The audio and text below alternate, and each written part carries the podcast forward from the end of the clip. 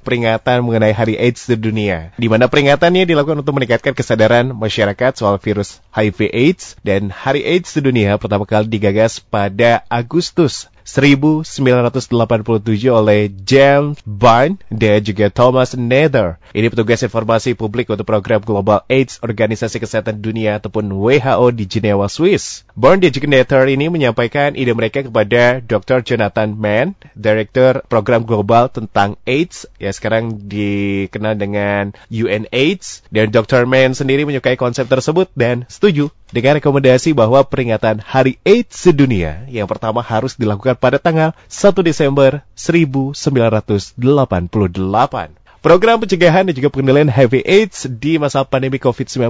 Nah, ini tentunya perlu diketahui juga oleh kita semua bahwa tentunya untuk uh, kesempatan hari ini bersama Bapak Medi Mahendra APS SOS MSI selaku Kepala Bagian Kesra dan juga Kemasyarakatan Setda Kota Bandung selaku Sekretaris KPA Kota Bandung yang telah bergabung melalui sambungan telepon. Halo Pak. Ya, Assalamualaikum warahmatullahi wabarakatuh. Waalaikumsalam warahmatullahi wabarakatuh. Sehat Pak?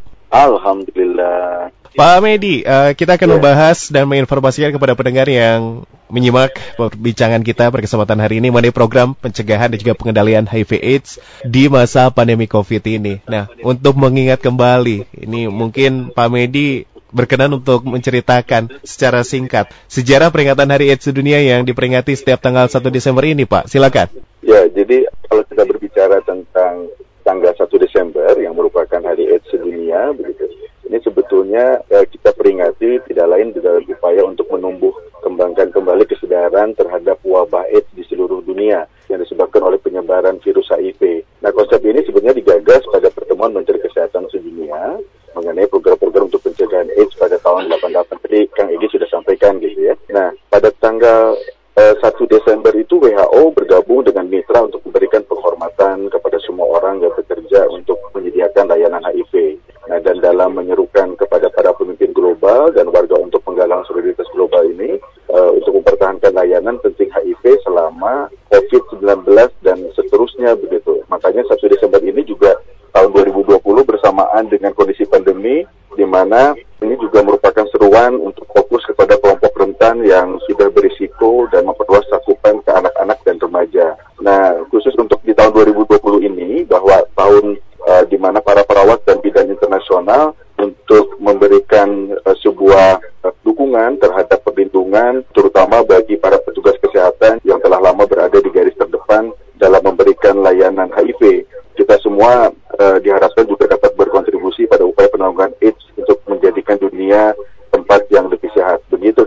Baik, terima kasih Pak Medi, paparan cerita ataupun uh, sejarah singkat mengenai Hari AIDS sedunia. Nah, tentunya untuk WHO sendiri memang menyerukan kepada para pemimpin global dan tentunya warga untuk menggalang solidaritas global demi mempertahankan layanan penting HIV selama COVID dan di masa seperti ini. Pak Medi. Ya, betul. Jadi yang tadi saya sudah saya sampaikan bahwa memang WHO sendiri sekarang dalam kondisi pandemi berharap agar semua stakeholder, para pemangku kepentingan, terutama para petugas kesehatan yang berada di garis terdepan untuk senantiasa bisa menjaga dedikasi dan pengabdian mereka yang selama ini sudah berjalan. Tapi satu hal mungkin Kang bahwa yeah. kaitannya dengan peringatan HIV di tahun 2020 ini sebenarnya dampak yang dirasakan oleh teman-teman para penderita uh, dengan apa orang dengan HIV itu sebetulnya terkait dengan kondisi pandemi uh, automatically bahwa, aktivitas kegiatan ekonomi juga terhenti beberapa waktu yang lalu. Sehingga ini juga sangat berdampak karena dengan uh, kondisi tersebut juga banyak aktivitas teman-teman ODA yang dulu mereka memiliki mata pencarian, sekarang uh, mereka menghadapi kondisi di mana terjadi pemutusan hubungan kerja. Nah, oleh karena itu kami dari Komisi Penanggulangan AIDS Kota Bandung yeah. sekarang ini sedang terus berupaya untuk uh, mengambil langkah-langkah uh, strategis dalam menghadapi kondisi pandemi, terutama kelangkaan ARV yang sempat terjadi, Kang. Yeah. Bahwa alhamdulillah kelangkaan ARV beberapa waktu yang lalu gitu kan sudah bisa teratasi. Walaupun demikian bahwa untuk memperoleh akses ARV untuk teman-teman ODA ini tidak bisa langsung datang ke pusat layanan kesehatan yang biasanya mereka datang ke rumah sakit mm-hmm. atau juga mm-hmm. datang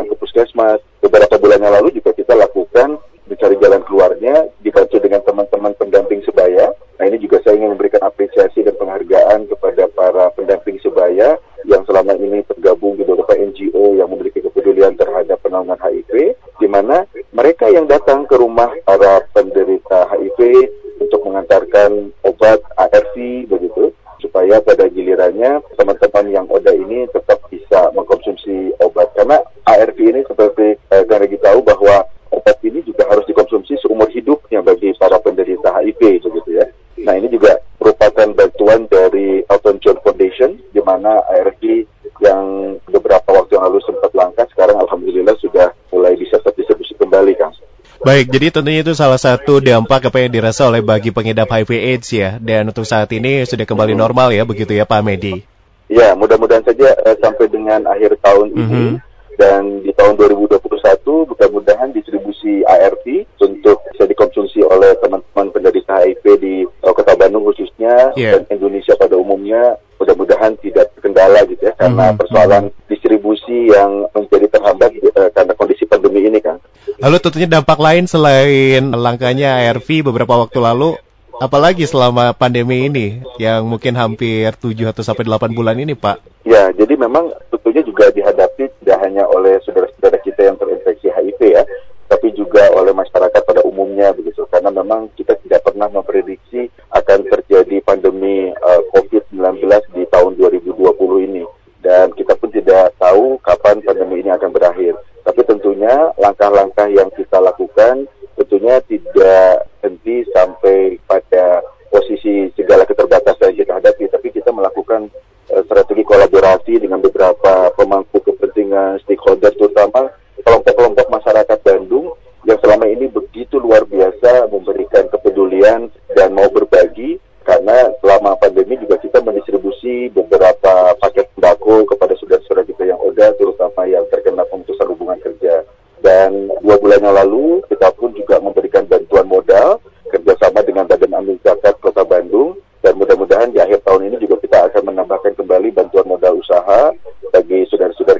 terinfeksi hmm. agar walaupun dalam kondisi pandemi karena begini Kang uh, yeah. bisa ditayangkan ya Bagaimana, mereka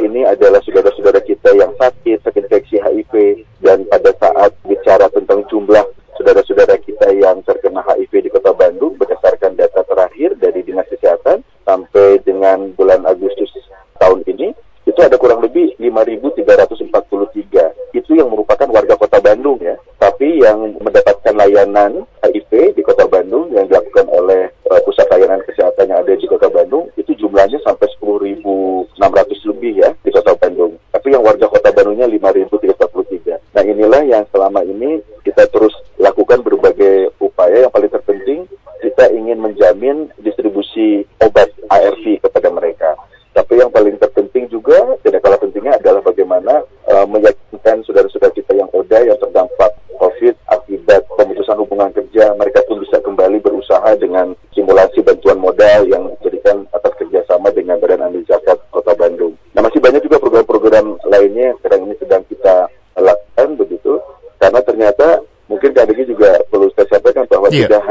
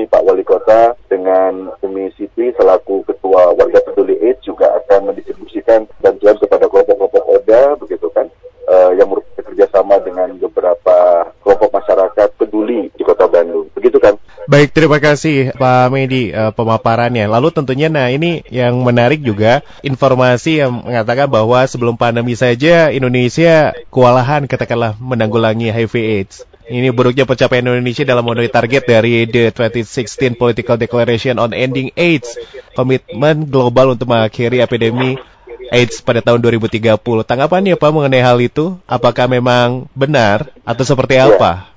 Betul, jadi memang ini juga jadi bahasan kami di jajaran Komisi Penanggulangan AIDS ya ke Indonesia begitu ya bahwa memang eh, persoalan sebelum pandemi COVID muncul Indonesia sejatinya sudah kewalahan seperti menangani HIV gitu ya.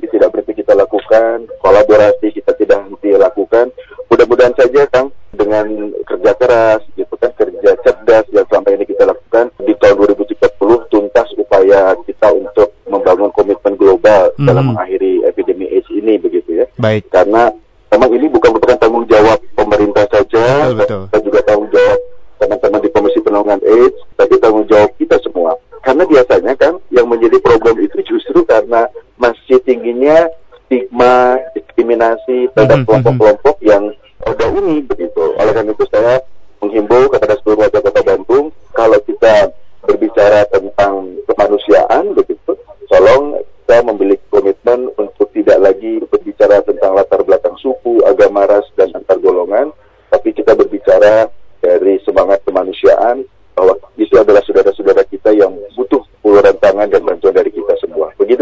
Baik, harapan kita semua demikian. Dan Pak, ini kalau misalkan untuk saat ini kan memang pasti berbeda dengan tahun-tahun sebelumnya ya peringatannya ya. Iya, betul. Poinnya untuk tahun ini apa yang akan maksudnya disampaikan ataupun temanya begitu? yang diusung untuk tahun ini apa Pak? Ya, jadi kalau untuk tahun ini sebetulnya kita tahun ini adalah mengusung uh, tema uh, Three Zero ya, mm -hmm. uh, zero kematian, lalu zero penyebaran HIV dan zero stigma dan diskriminasi. Insya Allah kan bahwa kami sudah menyampaikan laporan kepada Komisi T selaku Ketua Warga Peduli AIDS Kota Bandung dan seizin Bapak Wali Kota, insya Allah bahwa kegiatan Hari AIDS tahun ini akan kita peringati dengan sederhana tapi membawa makna yang besar karena kita lebih banyak melakukan kegiatan bakti sosial untuk memberikan bantuan kepada saudara-saudara kita yang terinfeksi. Begitu kan. Baik. Lalu tentunya untuk Kota Bandung sendiri ini bagaimana saat ini terus inginnya memang menekan angka begitu ya terkonfirmasi HIV ataupun AIDS. Seperti apa Pak?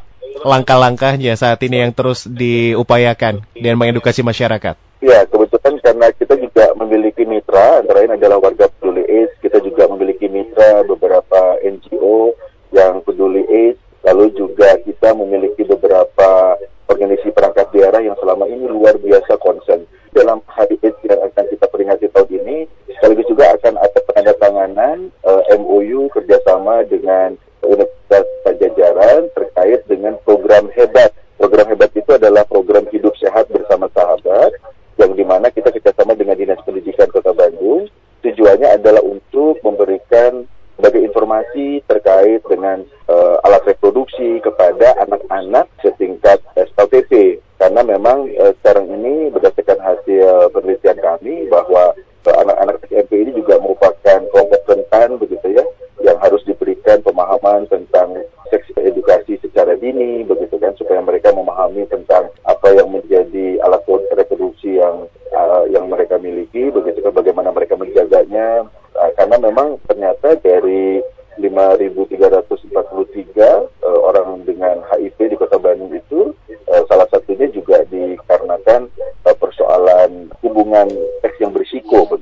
Untuk data terbaru ataupun terakhir ini seperti apa kondisinya di Kota Bandung sendiri, Pak? Mungkin bisa diinformasikan? Ya, data terbarunya bahwa untuk yang terinfeksi HIV yang tadi saya sudah sebutkan 5.343. Okay. Tapi yang mendapatkan layanan kesehatan di rumah sakit, uh, pemerintah maupun swasta ataupun juga di pusat kesehatan masyarakat yang ada di beberapa kecamatan, mm -hmm. kita memberikan layanan itu hampir 10.600 orang.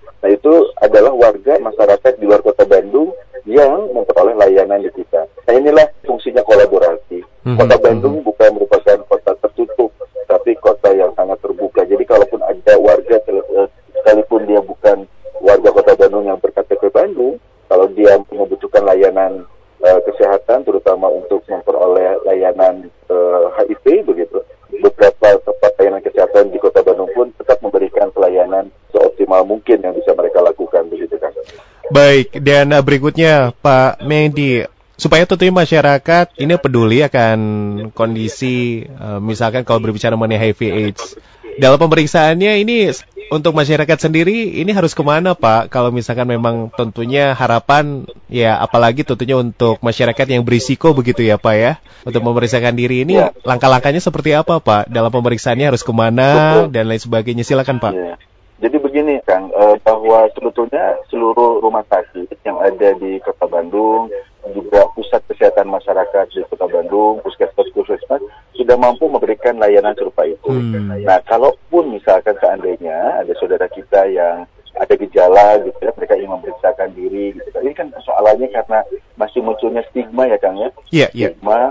Nah, itu kadang-kadang stigma itu datang dari dirinya sendiri gitu. Mereka enggak untuk uh, open status itulah yang menjadi persoalan kita e, terkait dengan upaya kita untuk menjaring saudara-saudara kita terinfeksi.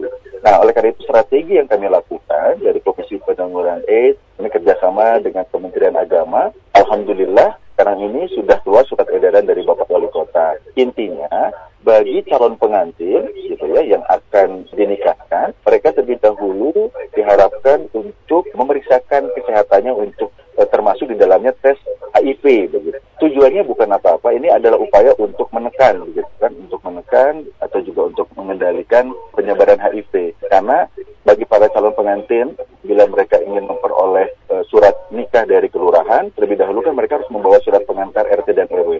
Nah, pada saat mereka datang ke RT dan RW, itu sosialisasi kita lakukan kepada forum RW, kepada kelurahan, pada kecamatan, lalu juga kepada seluruh kepala kantor urusan agama, agar setiap calon pengantin itu pada saat dia membawa surat pengantar dari RT mhm, RW, mm -hmm. uh, PRW-nya juga menghimbau kepada calon pengantin untuk yeah. memeriksakan kesehatannya dulu agar nanti hasil pemeriksaan tersebut sebagai dasar untuk terbitnya surat uh, eh, N1, surat pengantar pernikahan dari kelurahan. Nanti pada gilirannya KUA baru akan menikahkan begitu.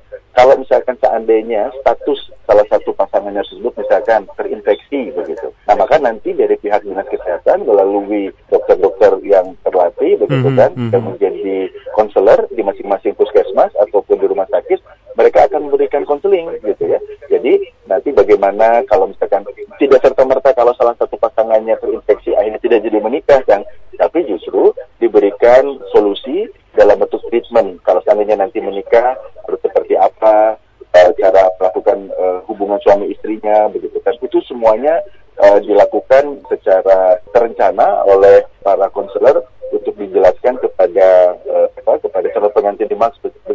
ya walaupun memang nampaknya agak sedikit berat ya karena tentunya di, uh, di masyarakat ada stigmatisasi tapi hal, -hal seperti itu alangkah lebih baik mendapatkan informasi dari langsung tenaga kesehatan atau mungkin dari rekan-rekan KPA sendiri mungkin ya Pak ya betul betul baik. jadi kalau misalkan seandainya buat saudara-saudara kami begitu ya yang mm -hmm. memiliki resiko uh, ya resiko tinggi begitu yeah. apakah dia sebagai pengguna jarum suntik narkoba, apakah dia sebagai pengguna narkoba, apakah dia sendiri sebagai pelaku hubungan seks yang berisiko misalkan gitu. Kami dari Komisi Penanganan sangat terbuka gitu kan bisa datang untuk konsultasi begitu kan. Malah di puskesmas puskesmas pun sudah disiapkan tenaga-tenaga ahli yang nanti pada gilirannya bisa memberikan konseling begitu. Insya Allah bahwa upaya kita tidak akan pernah berhenti sekalipun tantangan stigmatisasi, diskriminasi masih ada di tengah-tengah masyarakat kita, tapi karena kita berpandangan bahwa menjadi pribadi uh, yang baik itu seperti yang Allah tegaskan khairunas al minas bahwa orang yang paling mulia di mata Allah itu adalah orang yang bisa mendapat manfaat kebajikan kebaikan buat banyak orang kita tidak akan pernah berhenti kan untuk terus melakukan kebajikan kebaikan mudah-mudahan begitu walaupun tantangannya besar ini semua pasti pada gilirannya akan Allah bantu begitu dengan segala kemudahan yang ada gitu kan. Baik, terima kasih Pak dan saat ini sudah ada respon dari pendengar yang sudah masuk melalui WhatsApp dari 089766 sekian sekian sekian. Nah, di awal pandemi ini sempat ramai informasi pengidap AIDS yang disebut rentan terkena COVID karena imunitas. Apa benar, Pak? Nah, jadi betul. Jadi gini, Kang, ARV itu kan ARV itu obat yang dikonsumsi uh, seumur hidup bagi para orang dengan HIV itu mm -hmm. uh, kan tujuannya adalah untuk menjaga imunitas, menjaga kekebalan begitu ya. Nah, jadi pernah ada juga yang bertanya apakah dalam kondisi COVID kalau misalkan saudara-saudara kita yang tetap mengkonsumsi ARV itu dia juga akan terjaga uh, sehingga tidak terpapar. Betul gitu kan. Itu uh, kalau misalkan seandainya imunitasnya kuat seperti hanya kita lah yang normal begitu ya pada saat imunitas kitanya baik imunitas kita sehat insya Allah kita tidak akan terpapar penyakit begitu nah justru bagi kami KPA maupun dinas kesehatan yang sedang dilakukan adalah bagaimana menjaga agar saudara-saudara kita yang terinfeksi HIV ini tidak berhenti untuk mengonsumsi obat agar kekebalan tubuh mereka tetap terjaga gitu kan Ya, demikian tanggapannya. Berikutnya ada Pak Yandi di Gerlong. Ini sempat dengar ibu rumah tangga kalau di masa pandemi ini disebut klaster saat rentan terkena HIV AIDS. Kenapa hal ini bisa muncul dan seperti apa pencegahan dan pengendaliannya? Bagaimana dengan kondisi ini khususnya di Kota Bandung saat ini, Pak? Ya betul. Jadi memang yang Pak Yadi tadi sampaikan ini juga merupakan bagian daripada hal yang tidak pernah berhenti kami pikirkan dan cari strategi untuk mencari solusi ya kan ya. Karena begini, kenapa ibu-ibu rumah tangga ini rentan begitu ya? Jadi sorry to say gitu ya, karena saya perlu sampaikan bahwa ini ibu-ibu baik, ibu-ibu rumah tangga baik gitu kan, yang tidak pernah tahu aktivitas suaminya di luar begitu ya. Ternyata suaminya eh, mohon maaf gitu melakukan hubungan seks yang berisiko begitu ya yang membawa implikasi dia terinfeksi lalu pada gilirannya begitu kan di saat istrinya tidak pernah tahu aktivitas suaminya di luar lalu pada saat melakukan uh, hubungan suami istri akhirnya istrinya pun menjadi terinfeksi. Nah di kota Bandung kasus ibu rumah tangga yang terinfeksi HIV juga bukan angka yang kecil gitu kan itu hampir kurang lebih sekitar 20% dari total uh, orang yang terinfeksi juga itu merupakan ibu-ibu rumah tangga yang notabene mereka adalah ibu rumah tangga yang baik begitu kan.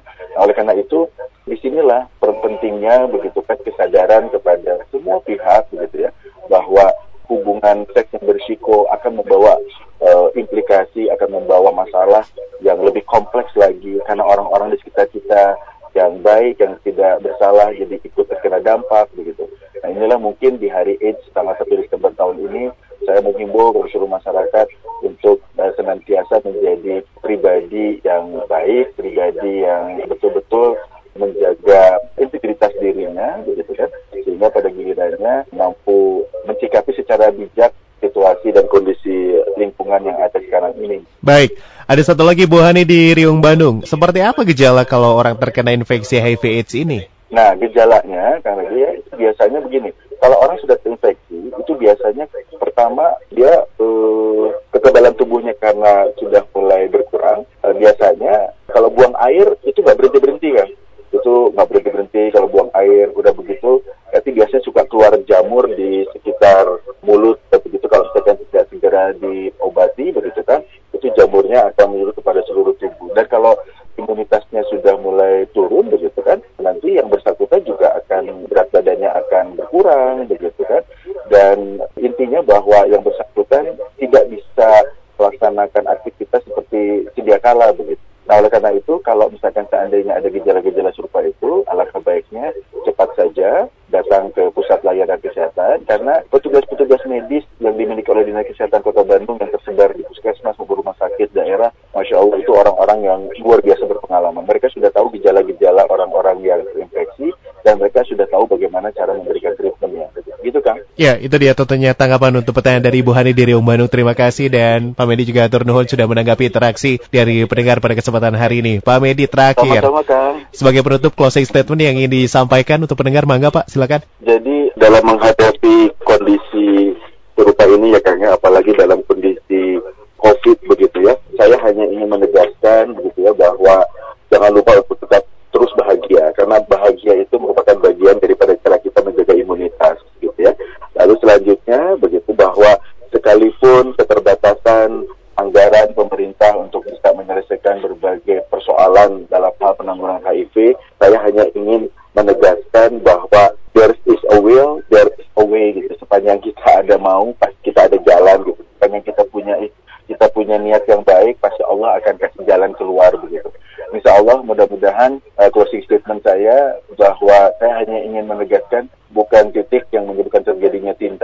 tapi tinta yang menyebabkan terjadinya titik, bukan cantik yang menyebabkan terjadinya rasa cinta, tapi karena rasa cinta semua orang menjadi cantik.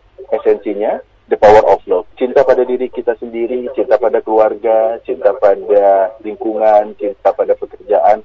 Mudah-mudahan kalau kita sudah mencintai, begitu kan dengan kekuatan cinta, yang susah jadi senang, begitu yang sakit jadi sehat, yang lemah jadi kuat. Itu mungkin Kang. Pak Wedi Mahendra, terima kasih untuk kesempatan hari ini telah bergabung bersama kami dan apa yang disampaikan insya Allah ini bermanfaat untuk kita semua ya Pak Media. Terima kasih selamat beraktivitas. Sami-sami Pak. Demikianlah tentunya bersama Bapak Medi Mahendra AP Sarjana Sosial MSI selaku Kepala Bagian Kesrada juga ke Masyarakat Setda Kota Bandung dan Sekretaris KPU Kota Bandung yang telah bergabung di Fit for Life.